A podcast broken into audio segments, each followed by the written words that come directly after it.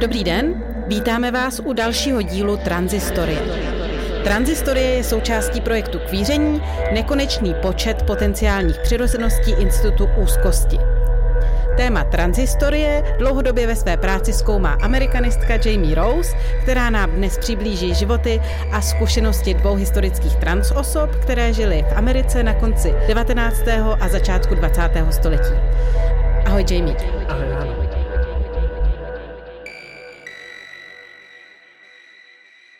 Dneska se tedy s Jamie budeme zabývat Amerikou konce 19. a začátku 20. století. Já když se pokusím představit si tohle období, tak si vzpomenu především na Karla Máje a Vinetua, kde teda uh, můžeme vidět nějaký uh, zajímavý přátelství těch dvou hlavních postav. Ale jak ta Amerika v té době vlastně vypadala, abychom si to nějak zarámovali? Já si myslím, že pokud si děláme vlastně na Ameriku v tomto období, tak je důležitý je vlastně jako vidět ty rozdíly oproti tomu, jak je třeba gender koncipovaný v Americe v té době a jak byl koncipovaný v té době v Anglii, protože o tom jsme se vlastně bavili v rámci těch female husbands, primárně vlastně ta Anglie nebo Velká Británie. A v té Americe vlastně vidíme poměrně vlastně rozsáhlý společenský rozdíly oproti té Anglii, kde uh, do jisté míry je tam nějaká jako vlna progresivity v rámci nějakých vlastně jako nějaký vlastně v Americe jako nějaká představa, že vlastně ženy jsou tam svobodnější a tak dále, což samozřejmě nutně nebyla pravda, ale taky, že vlastně majetkové otázky a takhle tam vypadají jinak a vlastně ta sociální struktura vlastně kompletně, pokud se bavíme vlastně o konci toho 19. století, tak v Americe vlastně v té době ještě hodně rezonovaly vlastně dozvuky otroctví a tak dále, že, který skončil v 60. letech toho 18. století zatímco v Anglii vlastně to otroctví skončilo dřív a vypadalo tam jinak a samozřejmě takže ty rozvuky tam jsou jiný, plus vlastně v Americe nadále vlastně pokračuje proces kolonialismu, že jo, vlastně jak se lidi stěhují na západ uh, z těch východních, z toho východního pobřeží, tak ten kolonialismus je tam vlastně nadále velmi aktuální téma. A dost to i ovlivňuje nějaký vlastně sociální struktury, že vlastně ty sociální struktury třeba na východě Ameriky vypadají podstatně jinak než na tom západě, což je právě něco, na co se chci zaměřit, protože když máme představu právě toho divokého západu, nějaký Karl May a tak dále, velmi historicky přesný samozřejmě určitě, a, nejsně, ale vlastně i, i obecně panuje nějaká představa, že, že divoký západ je nějaká jako výspa maskulinity, že tam jsou prostě tvrdý chlapy, který se střílejí někde na ulicích a tak dále. Ale ta skutečnost je poměrně mnohem komplikovanější. Takže tahle ta představa toho divokého západu byla vyprodukována primárně vlastně Hollywoodem a primárně někdy v 50. letech a od té doby se to s náma táhne dál.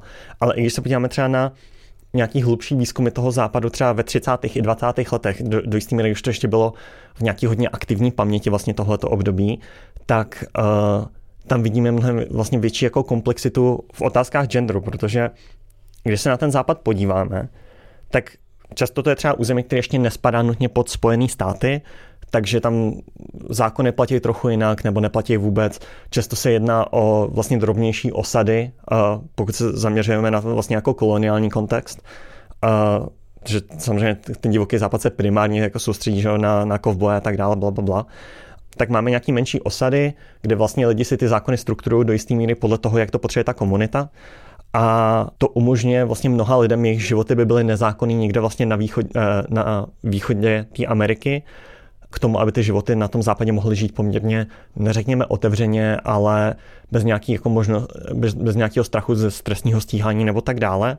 Takže prostě, když chceš žít nějaký alternativnější způsob života, tak se stěhuješ na západ. Ano.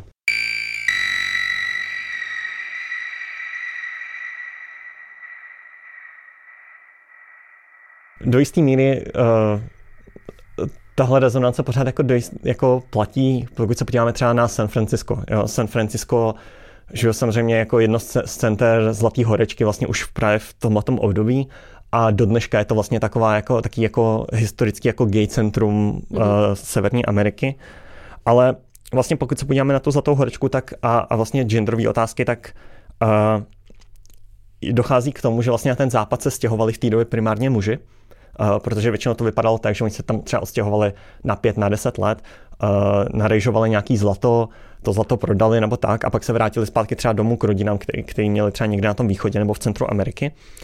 ale vytváří to vlastně jako nepoměr mezi muži a ženami vlastně v té společnosti, protože ty osady byly, byly většinou jako tvořeny primárně muži a vlastně nacházíme se v nějakém jako homosociálním prostředí, kde nějaká ta vlastně absence žen byla poměrně jako znatelná a, a často docházelo k tomu, že vlastně jako ta genderová otevřenost tam do jisté míry byla i kolikrát větší třeba než na tom východě, protože jakoby ty muži jako neměli tolik potřebu se nějak jako přetvářet před společností nebo tak. A, a Neměli o koho tam bojovat pře- a před kým převádět tu, tu maskulinitu, protože tam byli stejně jenom mm-hmm. další muži.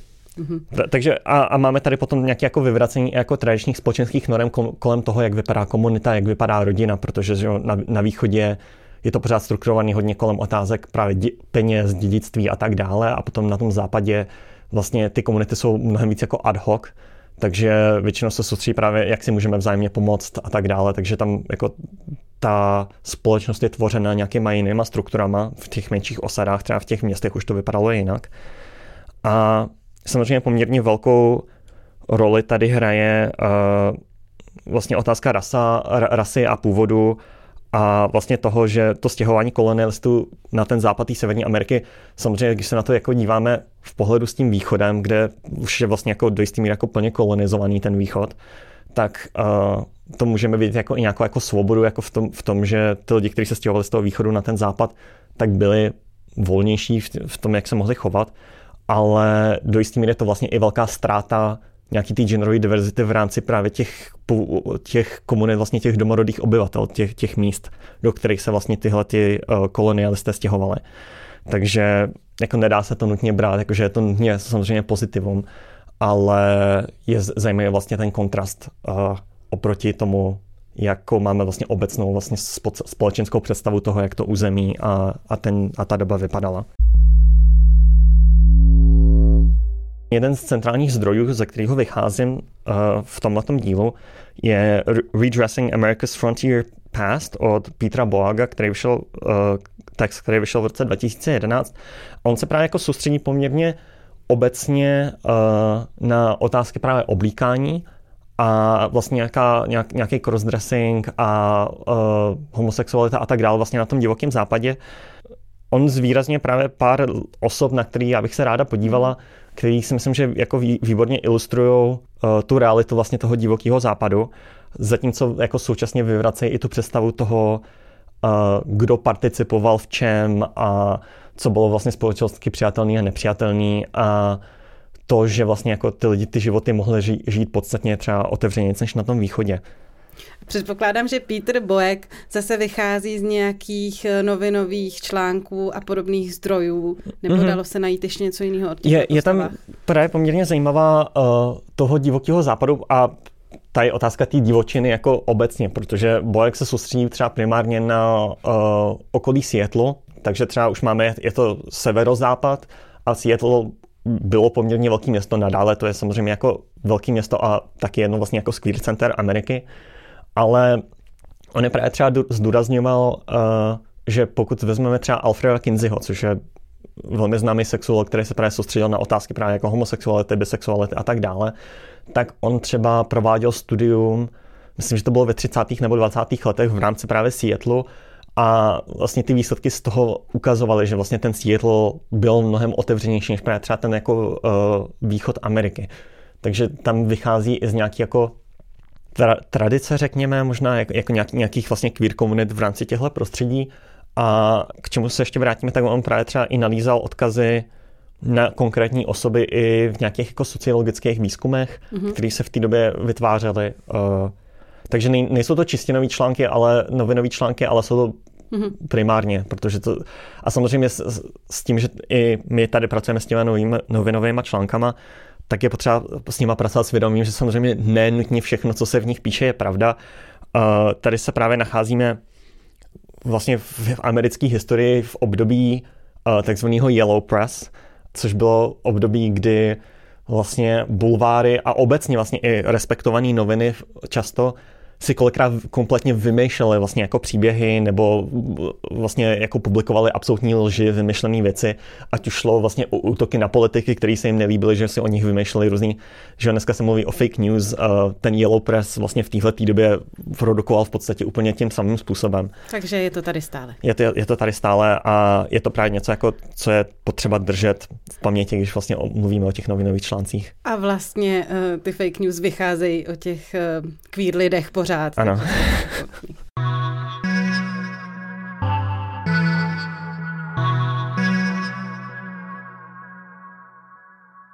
Ty tady jako první postavu, kterou máš uh, pro nás připravenou, chceš představit Harryho Elena mm-hmm. anebo Harry Livingstone. Mm-hmm. Kdo to byl? On, on, on je poměrně jako zajímavá postava v tom, že uh, i třeba oproti, když se podíváme na ty female husbands, kde právě většinou čerpáme právě z nějakých jako autobiografií nebo v úvozovkách autobiografií, protože často to většinou psal někdo jiný, nebo, nebo nějaký vlastně hodně senzační jako novinový články, ale třeba je to jeden záznam, který je potom reprodukovaný v 50 různých novinách, tak uh, Harry Allen je skutečně vlastně pokud se díváme na, na ty lokální noviny a co se o něm psalo, tak byl skutečně vlastně jako místní jako, jako mini celebritou, řekněme, v rámci nějakých jako kriminálních spisů. On se narodil v Indianě původně, ale potom se odstěhoval do Seattle vlastně společně s rodinou. A ačkoliv byl v úvozovkách už známá firma dlouhodobě v Seattle a psal se o něm v těch novinách, tak vlastně velký poprask způsobil až v roce 1912, kdy uh, ho zatkli za v úvozovkách, čemu se říkalo vlastně v té době bílé otroctví. Bylo to vlastně překročení zákonu, který se jmenoval Men Act a šlo o to, že on se uh, vlastně pohyboval přes hranice uh, s Isabel Maxwell, která vlastně byla sexuální pracovnice a nevíme nutně, jestli to byla jeho kamarádka nebo, nebo jako romantická přítelkyně, ale vlastně jako dlouhodobě se spolu znali a v té době vlastně se považovala za tohle bílé otroctví to, že vlastně se posune muž vlastně přes hranice se ženou, se kterou vlastně jako není vzatý. Mm-hmm. Jo. Ten menek byl v podstatě jako zavedený v roce 1910 a byl to vlastně útok v úvozovkách na obchod se sexem. Vlastně vidíme to do dnešní míry vlastně pořád, že vždycky jako se útočí na obchod se sexem, že je to všechno braný, jako že to je, že ty ženy jsou vždycky do toho nucený a tak dále, že je to vlastně jako nutně nějaký traumatizující, ale vlastně ty útoky jsou cílený vlastně přímo i na ty ženy, které v tom participují a který vlastně nemají tedy možnost nějakým způsobem se živit i legálně, protože samozřejmě jako způsob, kterým se živí, je eh, okamžitě vlastně ilegalizovaný a vlastně i třeba jejich právě pří, uh, přítele, jejich, jejich přítelové nebo vlastně jejich rodina, pokud se právě pohybují přes hranice, jak mohla být začena právě za přestoupení tohohle vlastně Men Actu.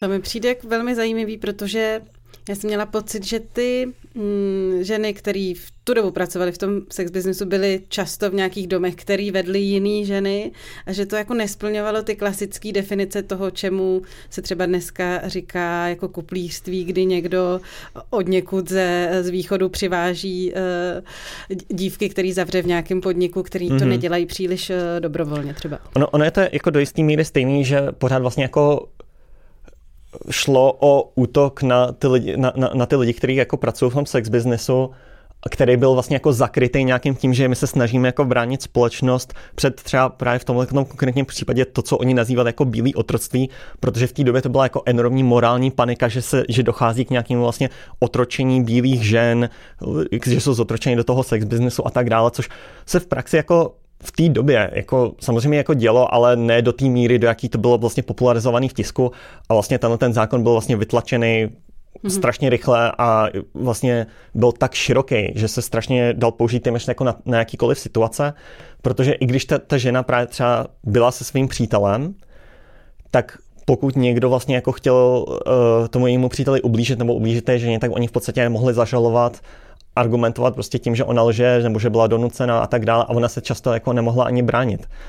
Často to bylo vlastně používaný vlastně v mezirasových vztazích, kdy vlastně třeba jako černý muž měl nějakou bílou přítelkyni a přejeli přes hranice a ta rodina té bílé přítelkyně, vlastně, která nesouhlasila s jejich vztahem, tak zažalovala jejího přítele za, za v úzovkách bílý otroctví, za porušení toho menektu a často do, jako za to lidi se dostávali do velkých jako problémů, ačkoliv jako v praxi nešlo o žádný hmm. únos nebo něco takového.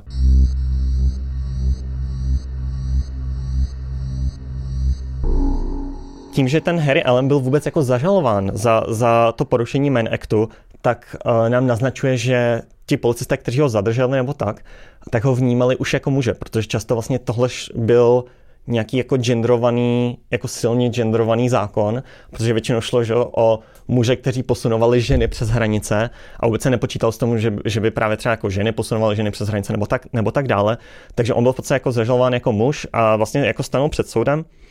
Vlastně během pobytu ve vazbě, kde byl zadržen právě za, za, za porušení toho Men Actu, uh, tak byl předveden před vlastně federálního agenta, který už ho v minulosti vyšetřoval za prodej pašovaný whisky a vlastně další vlastně problémy se zákonem, jak uvidíme později, když se podíváme na nějaký novinové články, které jsou o něm psali, tak on právě jako těch pletek se zákonem měl poměrně dost a právě si myslím, že on je taky jako klasický případ, i když si vezmeme tu představu toho divokého západu, jo? prostě lidi se bijou někde v salonech a střílejí po sobě na ulicích a tak dále, tak on uh, do jistý míry vlastně jako sedí do téhle představy, ale samozřejmě se z ní vymyká tím, že byl jako trans osoba.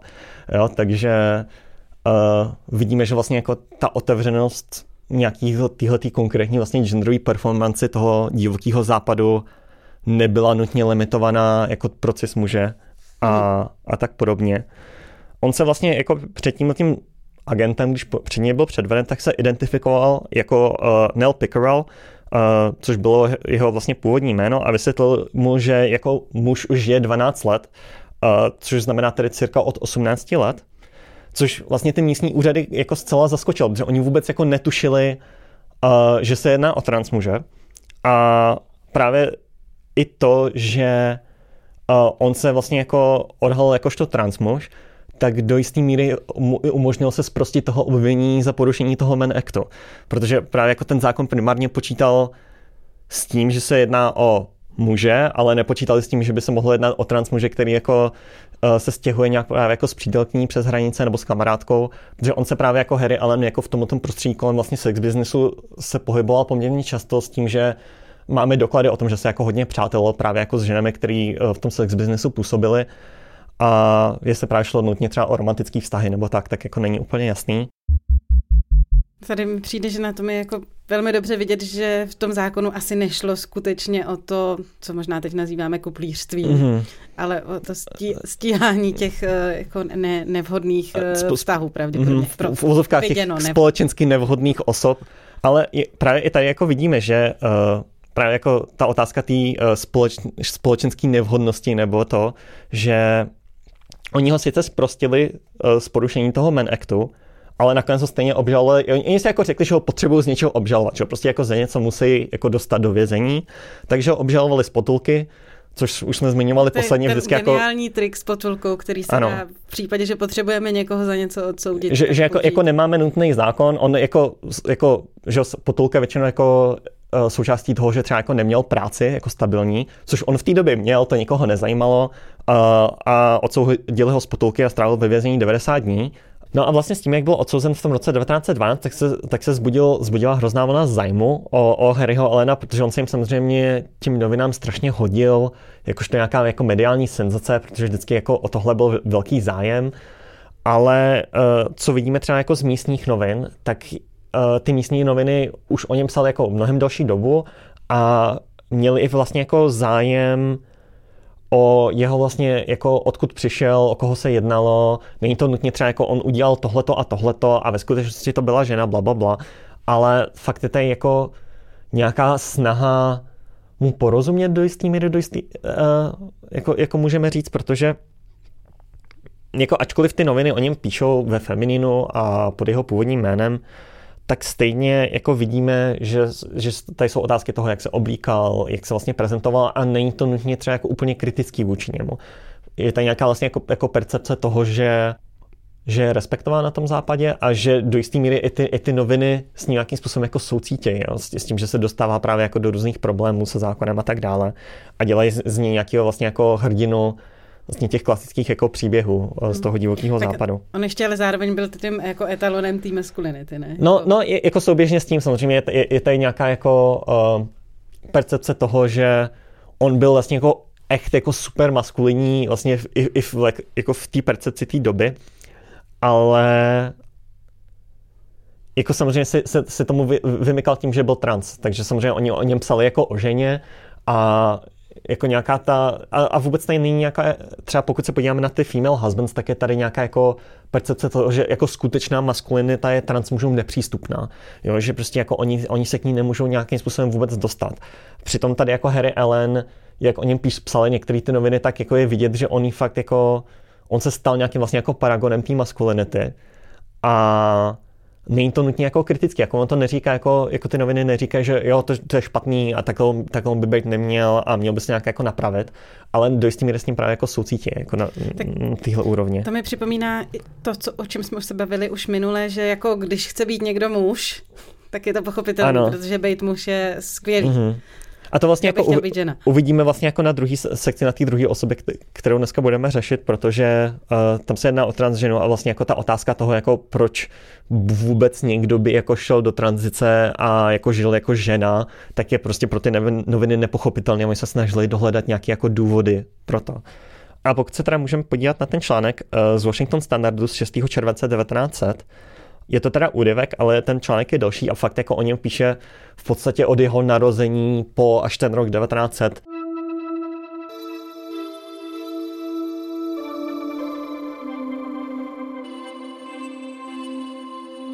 Washington Standard 6. července 1900.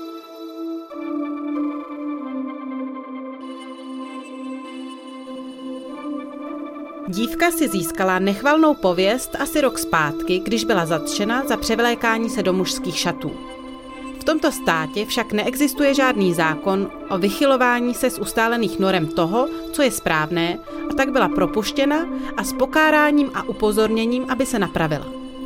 To ji však nějak nerozhodilo. Od té doby byla opakovaně zatčena, údajně za porušení pořádku, ale fakticky za nošení nesprávných šatů.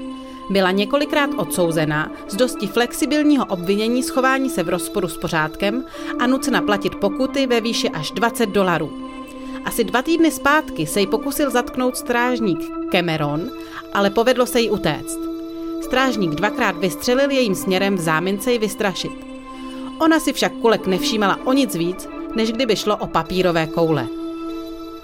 Rodina Pickerlova se přistěhovala do Seattleu asi před 6 lety ze South Bendu v Indianě. Nějaký čas žili na ranči, kde Nel nosila mužské šaty, hnala dobytek, krotila koně a s radostí se účastnila houfování. Byla tak schopná v jízdě, že byla často povolávána na složité situace a v krocení koní či úprků stát si vedla lépe než všichni muži. Její rodiče ji v chování nijak neomezovali, mohla si dělat, co se jí zlíbilo. Naučila se střílet a dnes dokáže s puškou ráže 22 strefit 3 z 5 rychle hozených lahví na dálku 20 kroků. Od doby, co se slečna Pickerel přestěhovala do Seattleu, však její pušku nahradil revolver a divokého Mustanga z ranče nahradilo mužské kolo.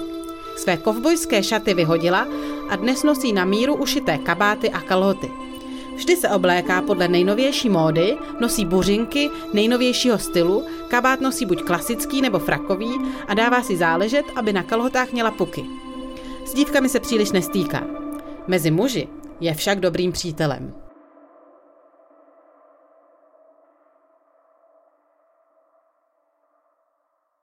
Takže vlastně jako tady je ten článek z toho roku 19, který taky jakože zajímavý intro k tomu, jako jak on se dostal do Seattleu, jak v tom Seattleu žije jako muž, ale v tom roce 1912 tak jako jedním z těch velkých trháků kolem něj uh, bylo to, že, že ty články tvrdili, že čtyři z jeho milenek spáchali sebevraždu, že, že to vlastně bylo jako obrovský halo, že vlastně on jim jako, zni, jako zničil srdce a, a vlastně jako ne, nebyl tedy jako ultramaskulinní osobou už jen tím, že právě jako, že, že uměl střílet revolverem a krotit koně a všechny tyhle ty věci, ale vlastně jako působil i, i jako na ženy uh, tím, že jako sváděl uh, uh, vdané ženy a tak dále. On jako vyvrátil, že k, některý, k jedný, ale alespoň k jedný z těch sebevražd došlo, ale není vlastně jako jasný, co se dělo v jiných případech. Uh, ale ty noviny samozřejmě se toho chytly a vždycky to prezentovaly jako to, že že oni se do něj hrozně zamilovali a když vlastně zjistili, že se jedná o trans muže, tak vlastně jako nevěděli, co mají dělat a jejich srdce vlastně jako puklo, puklo na půl. Tady vidíme právě třeba uh, už jen vlastně to, jak ty sebevraždy popisují, tak že jo, máme nějaký jako, že se vrhali ze skal nebo pili jed. A tak dobrý je, že teď už to poznali, jo. když jsme se bavili o těch female husbands, tak to ty ženy ještě byly jako hrozně naivní a netušili, eh, jak by to vlastně mohlo vypadat.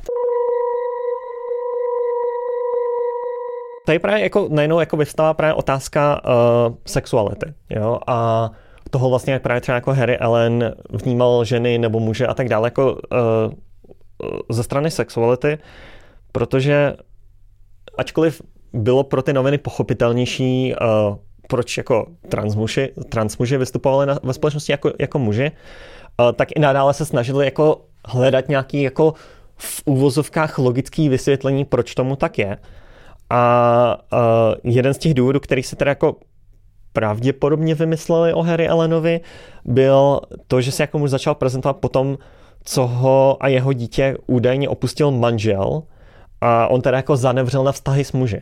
Jo, že jakože byl tak jako zničený uh, tím vlastně jako rozchodem uh, s jeho údajným manželem, který není vlastně jako doležený, jako je doležený není nutně třeba ani doložený, že on by měl někdy nějakého přítele, teda doložený, že měl dítě, mm. uh, který teda jako vychovávala uh, jeho matka, to mm-hmm. dítě, a on vlastně vystupoval na veřejnosti jako uh, strýc toho dítěte, takže vlastně jako s tím dítětem jako neustále byl jako dal v kontaktu, ale jako ne, nebyl samozřejmě jako vnímán jako rodič. Ale tam mi přijde zajímavý, že teda byl vlastně v kontaktu pořád s těma svýma rodičema, mm-hmm. ne, ne, mm-hmm. nemusel úplně opustit tu komunitu a, a pravděpodobně tam asi muselo být nějaký pochopení, pokud ho nechávali mluvit. Jasně, a, a to, to vlastně jako, jako to asi i vidíme i vlastně na tom článku, který, který uh, se právě četla, protože že tam se mluví o tom, že on vlastně už na tom ranči jako vystupoval jako muž a že vlastně jako, jako dělal, plnil ty vlastně klasické jako mužské úlohy takže jako ta rodina o tom evidentně věděla a evidentně jako s tím jako neměla nějak zásadní problém. Takže i vlastně nějaká ta otevřenost, jako ta společenská tady vlastně jako panuje, uh, alespoň v rámci jako té jeho rodiny. Potom vlastně třeba jako další aspekt uh, jako jeho příběhu je to, že ty ne, ne, že ty noviny vlastně psali o těch jako čtyřech jako milenkách, který spáchali sebevraždu, že psali o tom, co ho asi mohlo výst k tomu, že jako, jako vystupoval ve společnosti jako muž, ale i se jako hrozně divili tomu, vlastně do jaký míry on byl jakože uh, a, jako jak moc pořádný chlap to byl. Ano, přesně tak. A, a vlastně jako, protože tady panuje, pokud se díváme na, uh, na ty female husbands, tak třeba jako vidíme, že oni se vždycky jako snažili jako nastrčit něco, jo, jako on se choval jako muž a tak dále, ale jako kdybyste se jako fakt podívali, tak jako vidíte, že je to jako opravdu jako žena, jo. A v případě toho uh, Harryho Elena to vlastně i ty novináři se najednou jako uvědomují, že jako ne, že jako ten člověk jako je fakt muž, jako v uvozovkách se vším všudy, jak oni to vlastně jako vnímají jako, jako tu performanci maskulinity a jako součástí i toho bylo, že on měl jako to, co bylo vnímané jako klasické jako mužské schopnosti, uh, což bylo mě to jako přijde hrozně vtipný, samozřejmě jako z dnešního pohledu to jako, jako to, co oni pověděli, jako, že, že něco, co by jako, kdy, kdyby se jednalo o ženu, že by to vlastně jako nebyl schopný dělat, tak bylo jako pití, pití alkoholu, kouření, sprosté nadávání, protože samozřejmě jako to bylo vnímané jako něco, co jenom muži vlastně skutečně dokážou, že vlastně žena nedokáže pořádně prostě nadávat a samozřejmě tady hraje jako roli otázka uh, uh, v jaký vrstvě? Tří, ano, jako vrstva třída. Uh, protože samozřejmě jako novináři jako patřili trošku jako do jiný třídy, většinou z, z větších měst, když o něm psali a to vlastně i jaký zaměstnání, zaměstnání on provozoval, protože on krotil koně, působil jako barman, holič, působil tak jako přístavní dělník, takže jako vše, všechny vlastně jak ty klasicky jako echt mužský zaměstnání, tak on je provozoval bez jakýchkoliv problémů a často jako, vy, jako mnohem líp než většina těch ostatních mužů, kteří jako s ním spolupracovali. Jo. Takže on byl jako fakt jako respektovaný z tohohle pohledu a jako posouváme se vlastně jako od situace právě třeba uh, toho George Hamiltona, kde je tam vždycky jako nějaká jako kritika, nějaká jako narážka na to, že jo, jako, jo, jako, ne, jako působil jako muž, ale tak jako hm, hm, hm. tak jako tady oni fakt jako nevědí, co s ním dělat, protože oni vlastně vůbec jako, oni ho nejsou schopni našroubovat do té femininity ani trochu a kompletně se tomu vymyká.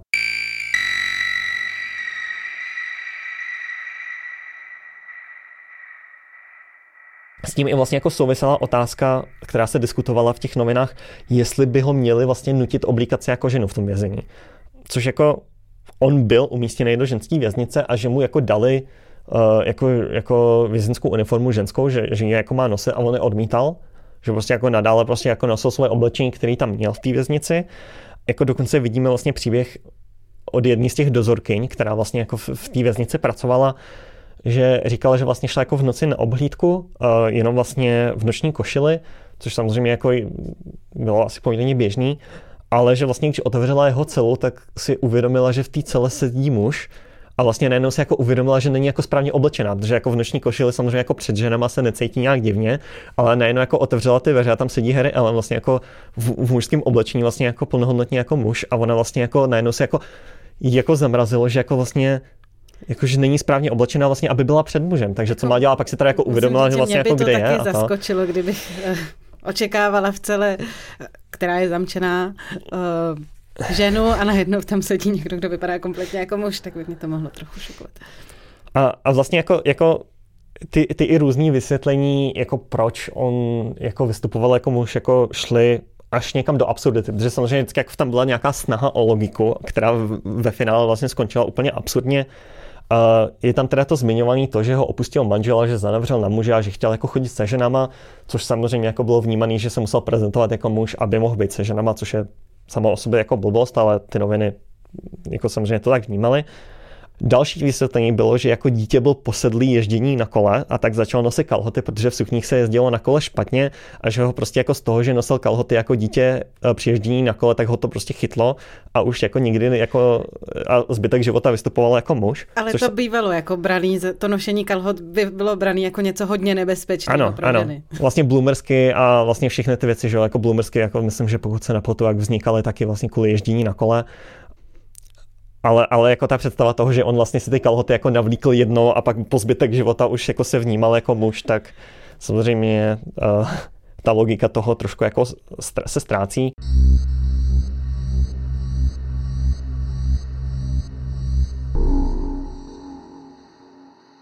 Potom tady je teda, pokud se díváme že na, na to jeho jako maskulinní vystupování a vlastně ty jako práce, které on dělal, takže je tady představa toho, že on vlastně jako přestal nosit ženský oblečení, protože je hrozně nepraktický, jo, takže vlastně, že to nemělo co dělat s tím, že se vlastně jako identifikoval jako muž, ale vlastně čistě s nějakou jako praktickou otázkou jako oblíkání, což samozřejmě taky jako trochu nedává smysl, podíváme se to, že jako ženský oblečení nenosil ani v té věznici, kde samozřejmě žádnou práci dělat jako uh, by mu neznemožňovalo uh, to ženské oblečení.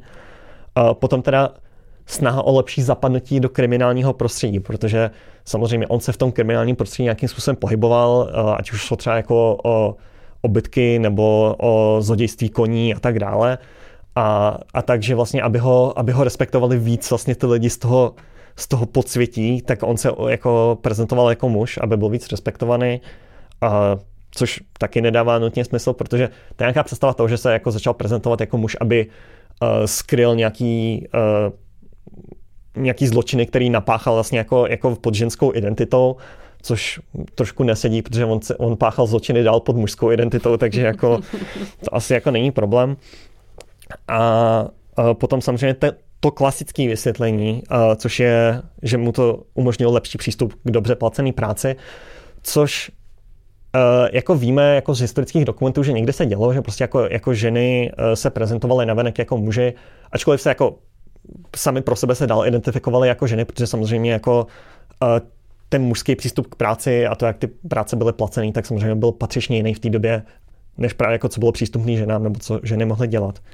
No tak i teď se ukazuje, že mm, když pošlete někam životopisy eh, ženský, nebo jako eh, s ženským jménem a mužským mm-hmm. jménem, tak třeba žena dostane na, nižší nabídku platu, takže to není zase tak špatný trik, mm, ale mm. Eh, pravděpodobně to nebyl důvod, proč by se do toho uh, pouštěla zrovna tahle osoba. A vlastně jeden vlastně ještě z těchto, ještě z těchto důvodů uh, je právě pochází z toho zmiňovaného sociologického výzkumu, který právě provedla Miriam von Waters v té v věznici, ve které vlastně Ellen byl v té době uvězněný, protože ona se zajímala Vlastně šlo o specificky antropologický výzkum, protože ona se zajímala o o otázku jako svobody žen v rámci vlastně jako americké domorodé společnosti v porovnání vlastně s tou společností koloniální. A vlastně jako ona do jisté míry vlastně argumentovala, že uh, ženy vlastně v té domorodé společnosti jsou mnohem svobodnější než často v té koloniální společnosti. A vlastně do té věznice šla, aby vlastně jako uh, ukázala nějaký případy toho, jak vlastně ta společnost, ve které ty ženy žily, je často jako tlačila k tomu, aby vlastně dělali nějaký zločiny nebo vlastně jako se dostávali do problému se zákonem. Často ať už šlo právě třeba o to, že se s nimi rozved manžel a nejen vlastně jako neměli přístup k penězům, takže musel dělat jako různé nelegální věci, aby mohli dál žít. Uh, a tak ona i vysvětlila vlastně jako život Harryho Elena. Že v podstatě šlo vlastně jako o ženu, který jako nebylo umožněný, aby se jako plně nějak jako realizovala v té společnosti, takže, takže se začal jako prezentovat jako muž. Což samozřejmě jako nedává nutně smysl, protože ono to do jistý jako míry ho prezentuje vlastně jako heterosexuální ženu, právě, že, že se, se vrací jako k tomu manželovi, se kterým jako se údajně jako rozešel a tak dále, ale třeba jako Fan Waters, jako to je, jako působí trošku jako zajímavá situace to, že jako Fan Waters sama byla lesba, takže ona jako asi jako mohla líp pochopit, že jako nenutně uh, jako Harry Allen měl asi jako manžela. Uh, jako ona asi jako mm, ta její práce se snažila popsat ty problémy těch mm-hmm. současných žen a hodilo se jí na to narolovat tady tenhle příběh, který byl ale o něčem Co, Což samozřejmě jako v těch případech jako transmužů historických i transžen se často jako právě dělo, že vždycky jako když někdo potřeboval uh, něco to, jak jako uh, ženy neměly přístup k těmhle věcem, tak vždycky argumentovali, jo, a tenhle ten historický transmuž vlastně nebyl vůbec transmuž, byla to, byla to uh, žena, která byla nucena vlastně se jako prezentovat jako muž. Takže tady je trošku jako fakt vidíme, že i ten sociologický přístup vlastně nutně jako nerespektoval jeho identitu.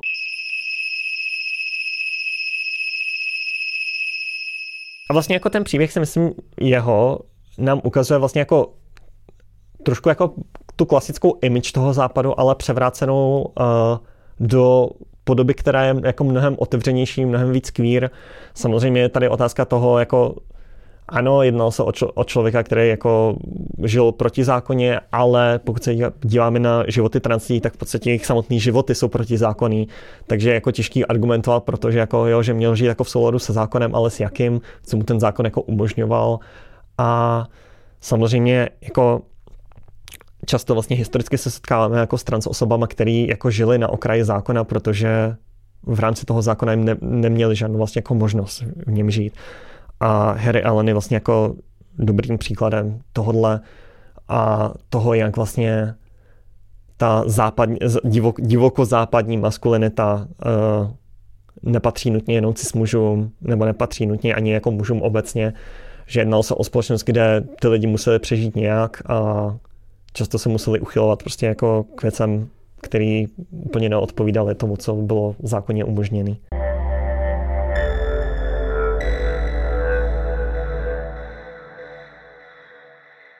A jak teda vypadal život transžen v tu dobu?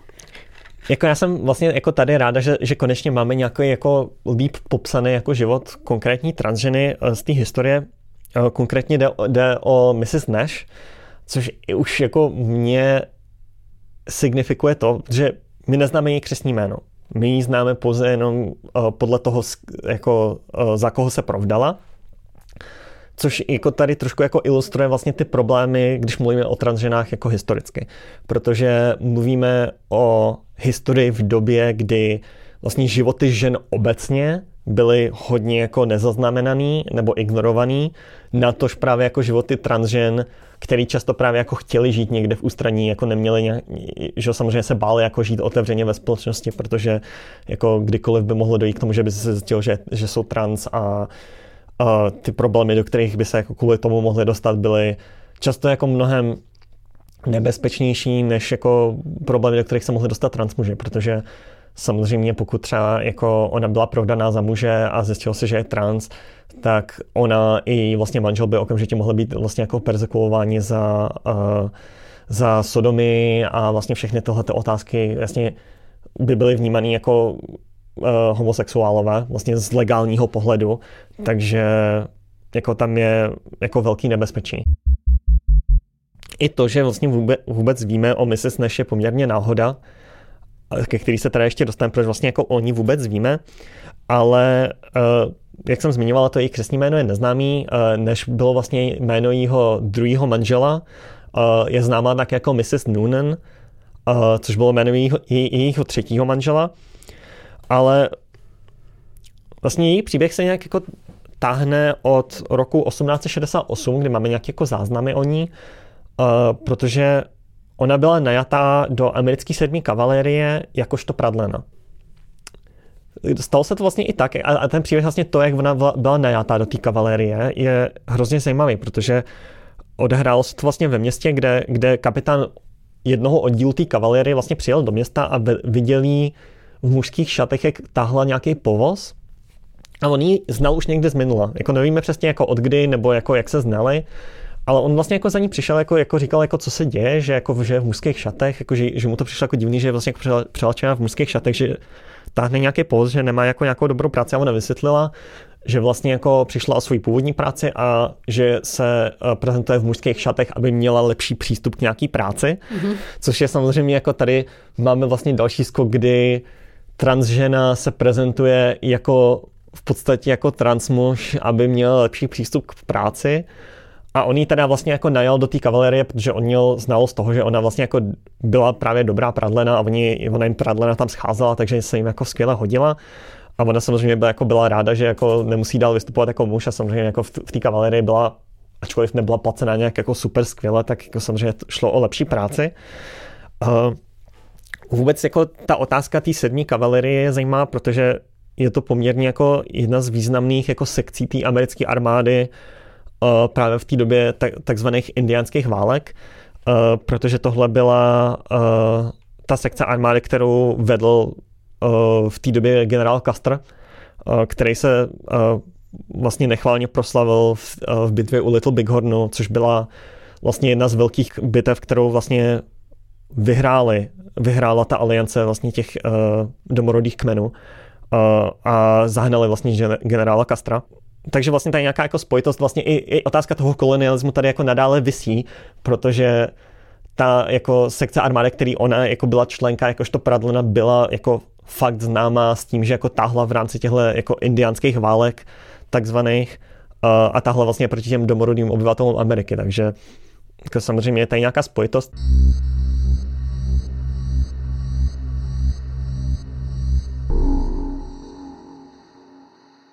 Je třeba ještě zmínit to, že vlastně jako Mrs. Nash uh, byla Mexičanka, takže i vlastně v rámci té kavalérie byla vnímána jako, jako hodně jako outsider.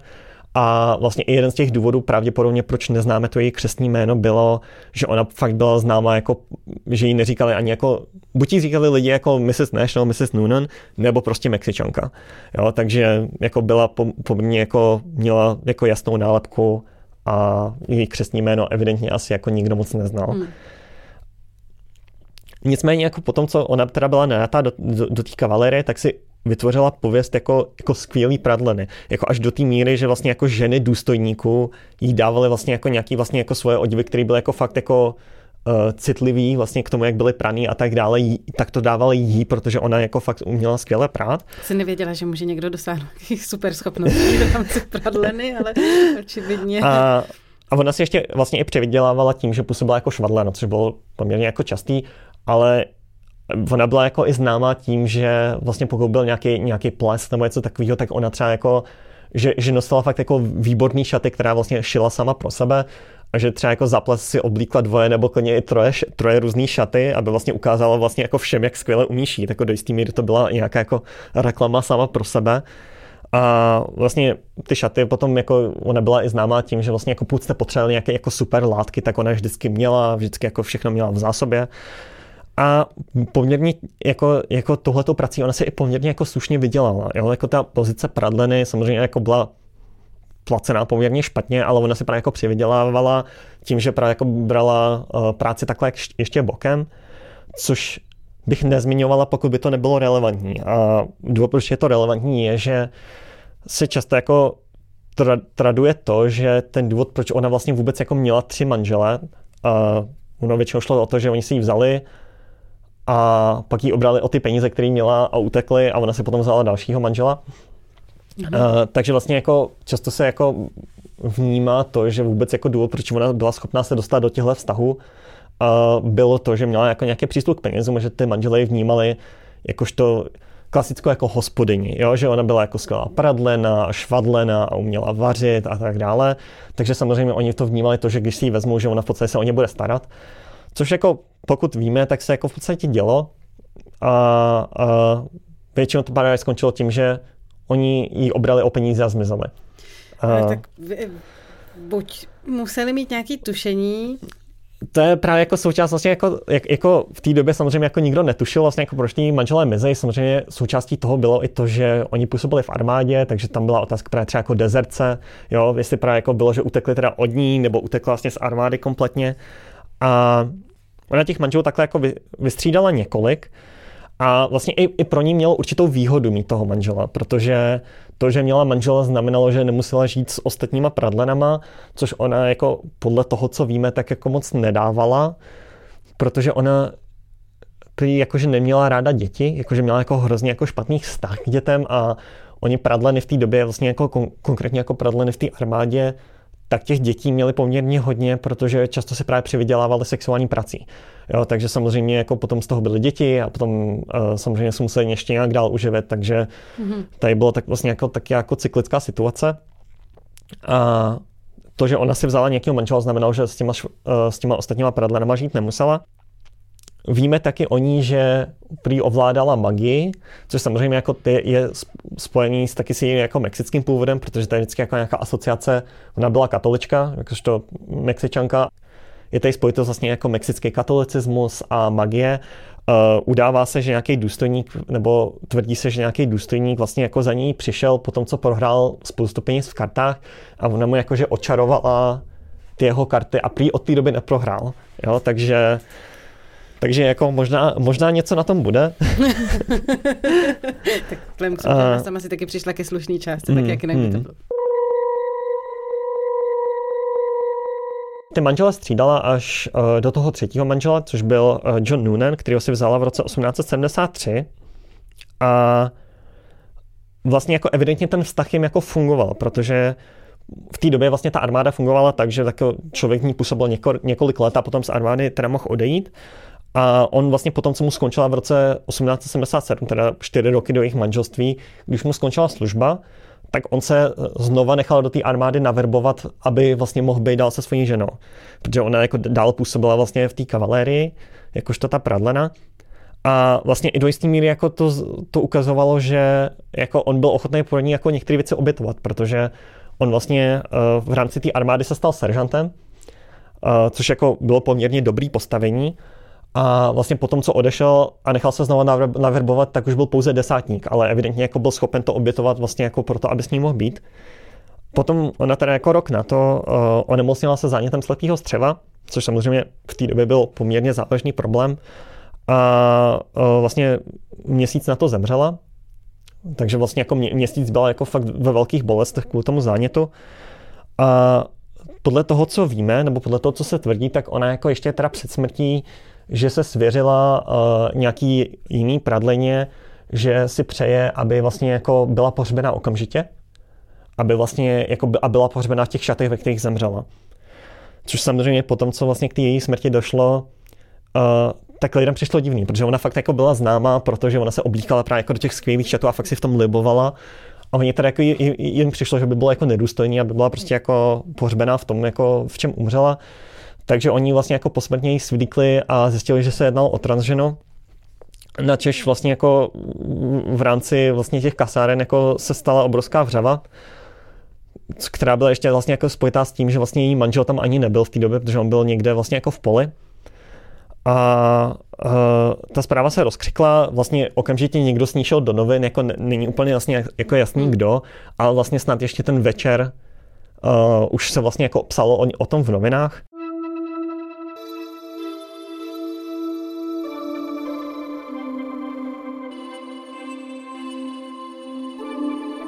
Bismarck Tribune 4. listopadu 1878.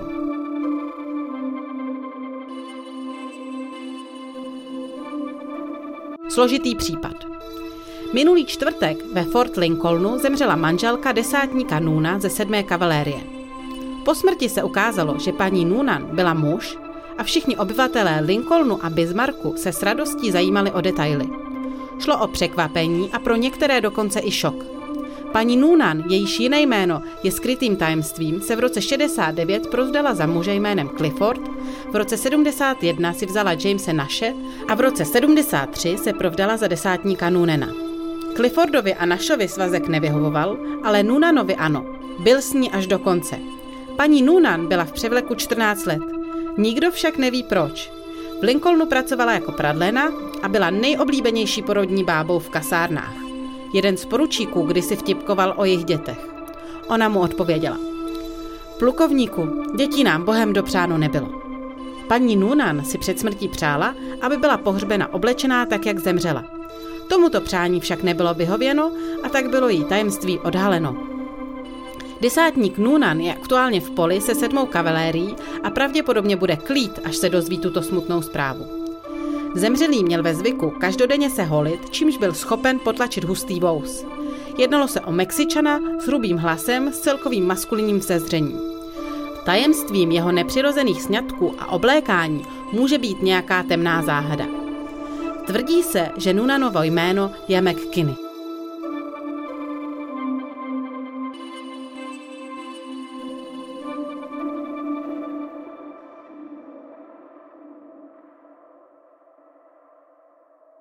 Po tom, co se jí manžel jako vrátil zpátky do těch kasáren, tak jeho reputace jako veškerá, která měla, její reputace byla v tahu, jeho reputace byla v tahu a vlastně jako stal se vlastně obrovským vlastně terčem jako různých posměšků. Vlastně to, že jako, že nevěděl, že jako, jako v úvozovkách, teda jako, že nevěděl, že je s mužem a tak dál. Z čehož jako on byl fakt jako podle všeho jako dost rozhozený, jak z těch posměšků, jak samozřejmě to, že jako jeho žena zemřela, a jako po následující dny se on jako prý se jako toulalo v noci prostě jako v pustinách a tak. A, a vlastně jako několik dní potom spáchal sebevraždu. Hmm. Po, po, po vlastně té smrti jeho manželky. On by ale asi pravděpodobně jaký mohl čelit nějakému ano, stíhání jo. za tu sodomy. To bylo vlastně jako součástí toho bylo, že uh, oni teda nikdy ho nestihli obžalovat, ale bylo po, jako všem jako zúčastněným osobám bylo poměrně jasný, že Eh, že by došlo, došlo k nějakému jako trestnímu stíhání.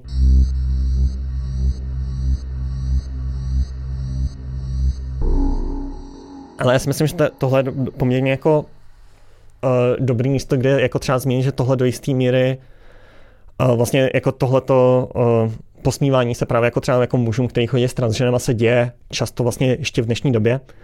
A, a my jsme to teda vrátili trochu jako z té historie jako do současnosti tak vlastně jako tohle je vlastně pro specificky jako heterosexuální nebo bisexuální transženy jako hodně velký problém, nebo transženy obecně, který chodí s muži, protože často vlastně jako jejich přítelové se, se bojí aby vlastně jako vůbec si představit vlastně jako rodině nebo přátelům nebo to, protože tady vlastně jako uh, oni vlastně můžou, samot, i ten její přítel vlastně jako může čelit hmm. vlastně jako, hro, jako hrozným vlastně jako společenským důsledkům na to, že vůbec jako chodí s transženou. Hmm. Jo, a tady vlastně jako vidíme, že, že jako jejího manžela to dohnalo až k sebevraždě. Samozřejmě, jako jak, jak se zmiňovala, jako pravděpodobně zatím toho stálo ještě víc. Ale pokud se podíváme právě jako o tom psali ty noviny, tak o tom psali jako dost necitlivě, což jako asi není překvapivý. Centrální otázkou se právě jako stalo to, Eh, jak vlastně jako v jejich vztahu probíhal sex, což samozřejmě on, uh, oni toho manžela teda ještě jako stihli vyslechnout jako, jako do rozhovoru, který si potom uvedeme, ale uh, a vlastně jako proč ona si vůbec jako tajila svou identitu, uh, nebo jak se jí to vlastně jako povedlo, Uh, protože samozřejmě pořád tady byla jako představa toho, že třeba jako transmuži by byli nějakým jako způsobem schopni jako uh, utajit to, že jsou trans, ale jako představa toho, že jako transžena by byla schopná prostě jako nejen utajit to, že je trans, ale mít takovou reputaci jako fakt jako skvělý manželky, švadleny, v, v podstatě zase jako všechny tyhle ty femininní, vlastně klasický, klasické jako uh, stereotypně vlastně jako femininní schopnosti, které ona ovládala podle všeho perfektně. A jako pro mě třeba, jako ty noviny to nezmiňují, ale mě třeba jako přijde strašně zajímavá jako otázka toho, uh, jak ona vlastně tyhle ty schopnosti získala, protože pokud si vezmeme vlastně jako klasicky to, jak byly, byly vlastně dívky vychovávané v té době, tak samozřejmě tohle by byly vlastně jako věci, které by je učila jejich uh, matka nebo babička nebo tohleto, který by vlastně jako jí učili jiný ženy, ale jakožto transžena ona pravděpodobně jako, že by jako její vlastní matka jako vychovávala vlastně jako k tomu šití a ona i zmiňovala, že vlastně jako působila výborně jako porodní asistentka. Uh, Ona vlastně jako byla vyhledávána, kdykoliv jako docházelo k nějakému porodu v těch kasárnách, tak oni fakt chodili za ní, hmm. aby vlastně jako působila jako asistentka nebo porodní bába. Uh, mě jako přijde hrozně vtipný, že v té češtině, že máme jako dva termíny, což je jako porodní asistentka a porodní bába, protože jako obecně je to docela vtipný, ale uh, tohle jsou vlastně jako taky vlastně schopnosti, které se v Mexiku tradičně předává jakoby z matky na dceru. Jo, a ona evidentně jako měla tohodle znalost, takže jako my neznáme vlastně jako o jejím dětství téměř nic, ale jako buď si dal, dala fakt záležet, aby se tyhle ty věci naučila sama, nebo její matka ji fakt jako vychovávala v rámci toho, což jako oboje, oboje je docela zajímavý. Hmm. Jak jsem zmiňoval, jak jsem už nastínila jako v případu toho Harryho Elena, tak jako velkou otázkou bylo, proč vůbec někdo uh, by vlastně jako chtěl společensky žít jako žena. Protože jako pro, v, případě, v případě těch jako female husbands nebo trans mužů to bylo pro ty novináře pochopitelný, protože samozřejmě maskulinita je nadřazená femininitě a proč by vlastně nikdo nechtěl žít jako, jako, jako, jako muž vlastně v maskulinní nebo patriarchální společnosti. Takže tak to bylo vnímaný. Takže tam byla nějaká jako otázka vlastně, jo, že nějaký lepší sociální postavení, ale v případě transženy oni si prostě nebyli schopni vysvětlit, proč by to někdo dělal, protože samozřejmě jako proč někdo chce žít jako žena v patriarchální společnosti, takže oni fakt jako nevěděli, co s tím a jediný, co byli schopni vymyslet, bylo, že pravděpodobně spáchala nějaký zločin, stejně jako vlastně v případě Harryho Elena, že spáchala nějaký zločin a vlastně jako si vlastně přejala tuhle tu identitu, aby se vlastně utajila, což jako nedává moc smysl, ale vlastně šlo to až do té míry, kde nejenom vlastně, že tohle bylo období vlastně toho yellow journalism, ale bylo to i období uh, hrozný popularity jako seancí a nějakého vzývání mrtvých a uh, médií a tak dále. A jako fakt, to, fakt ta senzace v těch novinách kolem vlastně toho případu vlastně Mrs. Nash šla do té míry, že oni uh, si najali nějaký médium, aby kontaktovalo, uh, aby kontaktovala, konkrétně to médium, ale on, byla to ona, aby kontaktovala uh, Mrs. Nash jasně ze záhrobí a ona jim vysvětlila vlastně jako proč vlastně jako se jako vystupovala na veřejnosti jako žena. Geniální novinářská geniál, Geniální, vlastně, vlastně jako perfektní jako no, novinářský přístup. A což údajně se povedlo, že, že, že to médium teda jako s ní navázalo kontakt. Jak jinak? A ona jí teda jako, ona, ona tomu médiu teda jako řekla prý, že, že, že způsobila nějaký hrozný vraždy, že jako zavraždila nějaký manželský pár a že se hrozně styděla a proto vlastně jako žila jako žena vlastně jako pod přijatou identitou. Jo, takže samozřejmě jako oni potřebovali nějakým způsobem podpořit vlastně tu svou, ten svůj, tu svou perspektivu jako na to a šlo to až do té míry, že vlastně jako najeli médium, aby jí údajně kontaktovala za záhrobí.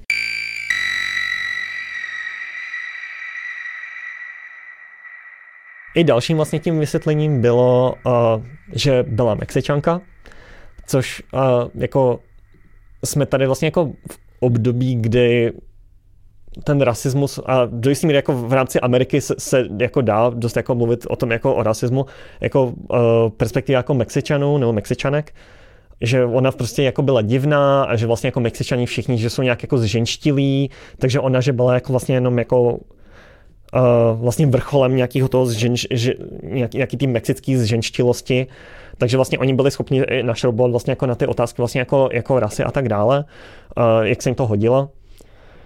A tady bych asi, asi poměrně i ráda uvedla vlastně uh, ten rozhovor s tím jejím manželem, protože já si myslím, že to poměrně dobře ukazuje, že buď teda ten její manžel, pokud jsme jako mluvili o tom, že třeba jako ty manželky jako female husbands, že byly jako naivní, což samozřejmě pravděpodobně nebyly, pravděpodobně před soudem lhali, a aby vlastně obrát, ubránili jak čest svojí, tak vlastně jako svý, svých manželů. Uh, tak vlastně ten rozhovor jako s manželem uh, Mrs. Nash podstatně jako ukazuje, že on buď jako vůbec netušil, že je trans, uh, jeho žena, což vzhledem k tomu, že spolu jako byli nějakých pět let, tak by bylo asi pravdě, nepravděpodobný.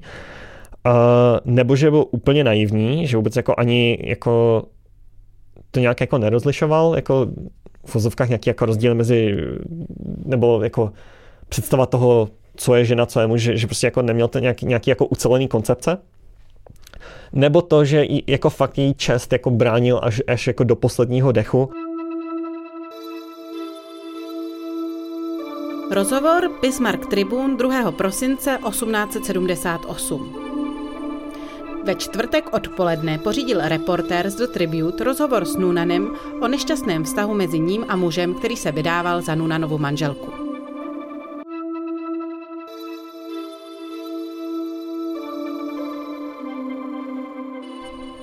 Pane, když jsem si ji vzal, byl jsem přesvědčen, že šlo o ženu a opak jsem se dozvěděl až po její smrti. Byl jste však jejím manželem, není tomu tak? Manžel se vším všude? To jsem byl a k tomu mi pomáhají Bůh. Ta pozdější odhalení mě mystifikují. Nechápu to. Jednou mi řekla, že mě učiní šťastným, že bude mít dítě. Bavili jsme se o tom a shodli jsme se, že bychom chtěli holčičku. Posléze mi však z nenadání tvrdila, že se mýlila a byli jsme z toho společně zarmoucení. Celou dobu jsme jako manželský pár toužili po dětech, ale zdálo se, že tomu, aby se z naší naděje stala skutečnost, stála nějaká překážka.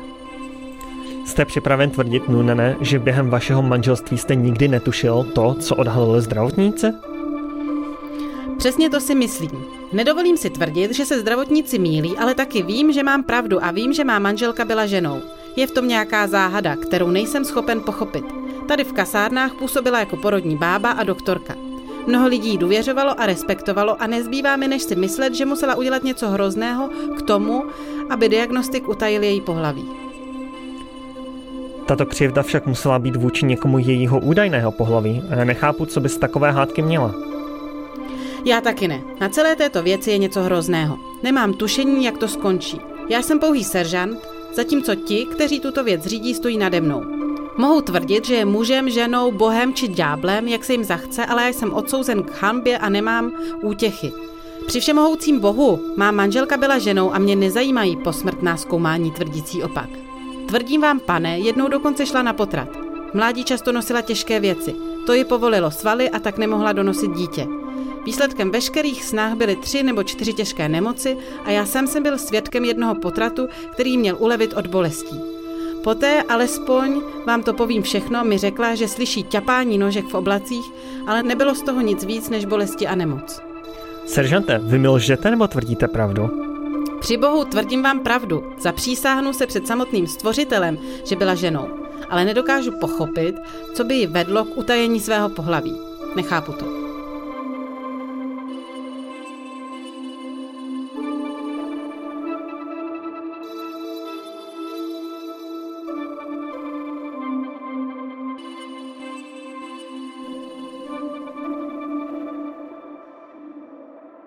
Jak vidíme vlastně z toho rozhovoru, tak on tvrdí to, že, že tvrzení, že je muž, že jeho žena, že byla muž, že je vlastně kompletní lež, že je to výmysl, že jako někdo vlastně chtěl jako počernit její pověst, že on fakt se zapřísáhne před Bohem, že vlastně, že, že si opravdu vzal ženu a evidentně jako důvěřoval a evidentně ji miloval, takže jako je tady fakt jako poměrně velká snaha jako bránit jak čes svojí, tak, tak čes svojí ženy, uh, která ve finále samozřejmě jako nikoho asi jako nezajímala v té době, ale je to hodně zajímavé, jako do jaký míry hmm. fakt byl schopen se za ní vlastně jako postavit a i tvrdit, že vlastně jako, že jeho důstojníci se vlastně postavili proti němu uh, v tomhle tom. Já jsem se teda v minulém díle hodně divila ty možnosti, že by někdo nevěděl, mm-hmm. jak vypadá opačný pohlaví, ale vzpomněla jsem se na to, že jsem se bavila s jednou uh, sexuální poradkyní, nebo mm-hmm. respektive jako uh,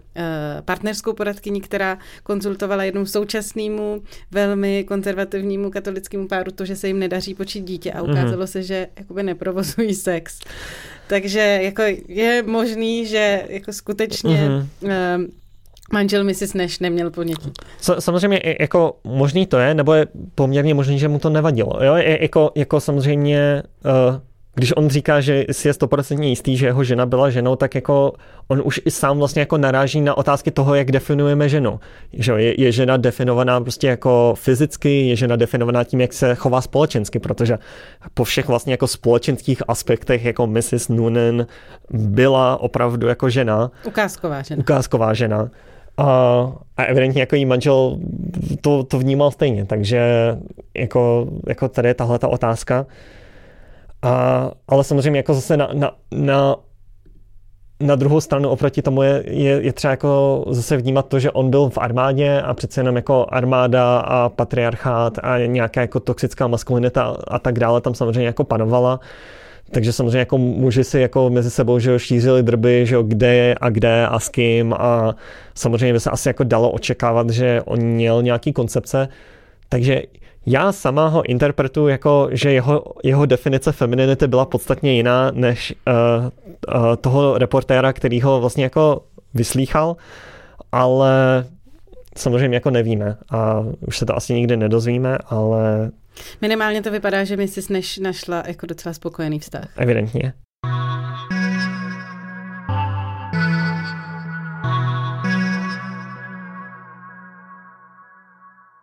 Dneska jsme se tedy pobavili o dvou postavách eh, Ameriky, konce 19. Mm-hmm. století, možná začátku 20. století. Je k tomu ještě něco, co bys dodala, abys to schrnula?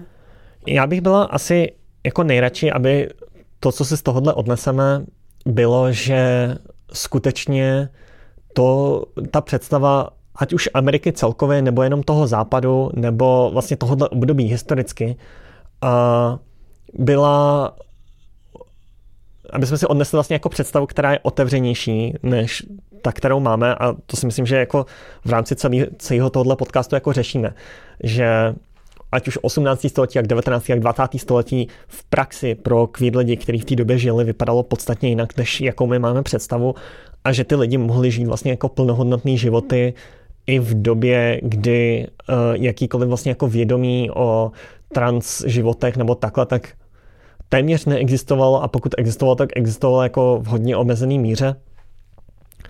A že vlastně jako transy tady byly vždycky a vždycky tady budou a samozřejmě to, co je trans a co není trans, se vždycky jako definuje od toho, jak ta společnost si to koncipuje. Protože vidíme tady případ Harryho Elena, který byl jako vnímán v podstatě jako, kromě toho, že ty noviny o něm psali jako ve feminínu a jako pod ženským jménem, tak v podstatě byl jako plnohodnotně vnímán jako muž. A na druhou stranu tady jako vidíme uh, Mrs. Nash, která vlastně jako byla odsuzována už jen proto, že vlastně jako byla transžena, protože samozřejmě jako transženy byly vnímány také v té době jako podstatně jinak než transmuži. Uh, to, že, to že, byl, že byla vdaná, to, že byla Mexičanka, že vlastně jako uh, ty životy těch lidí i v té době byly hodně rozdílný člověk od člověka, že nebyla to vlastně jako jednotná kultura nebo společnost a že ty lidi si mohli vlastně jako v té době najít nějakou skulinku, ve které mohli žít vlastně jako plnohodnotně. Děkuji, to byla Jamie Rose, moje jméno je Hanna Nejedlová. Budeme se na vás těšit u dalšího čtvrtého dílu pořadu Transistorie, který se tentokrát zaměří na sexuologii a její vztah k transhistorii. Díky, Johana.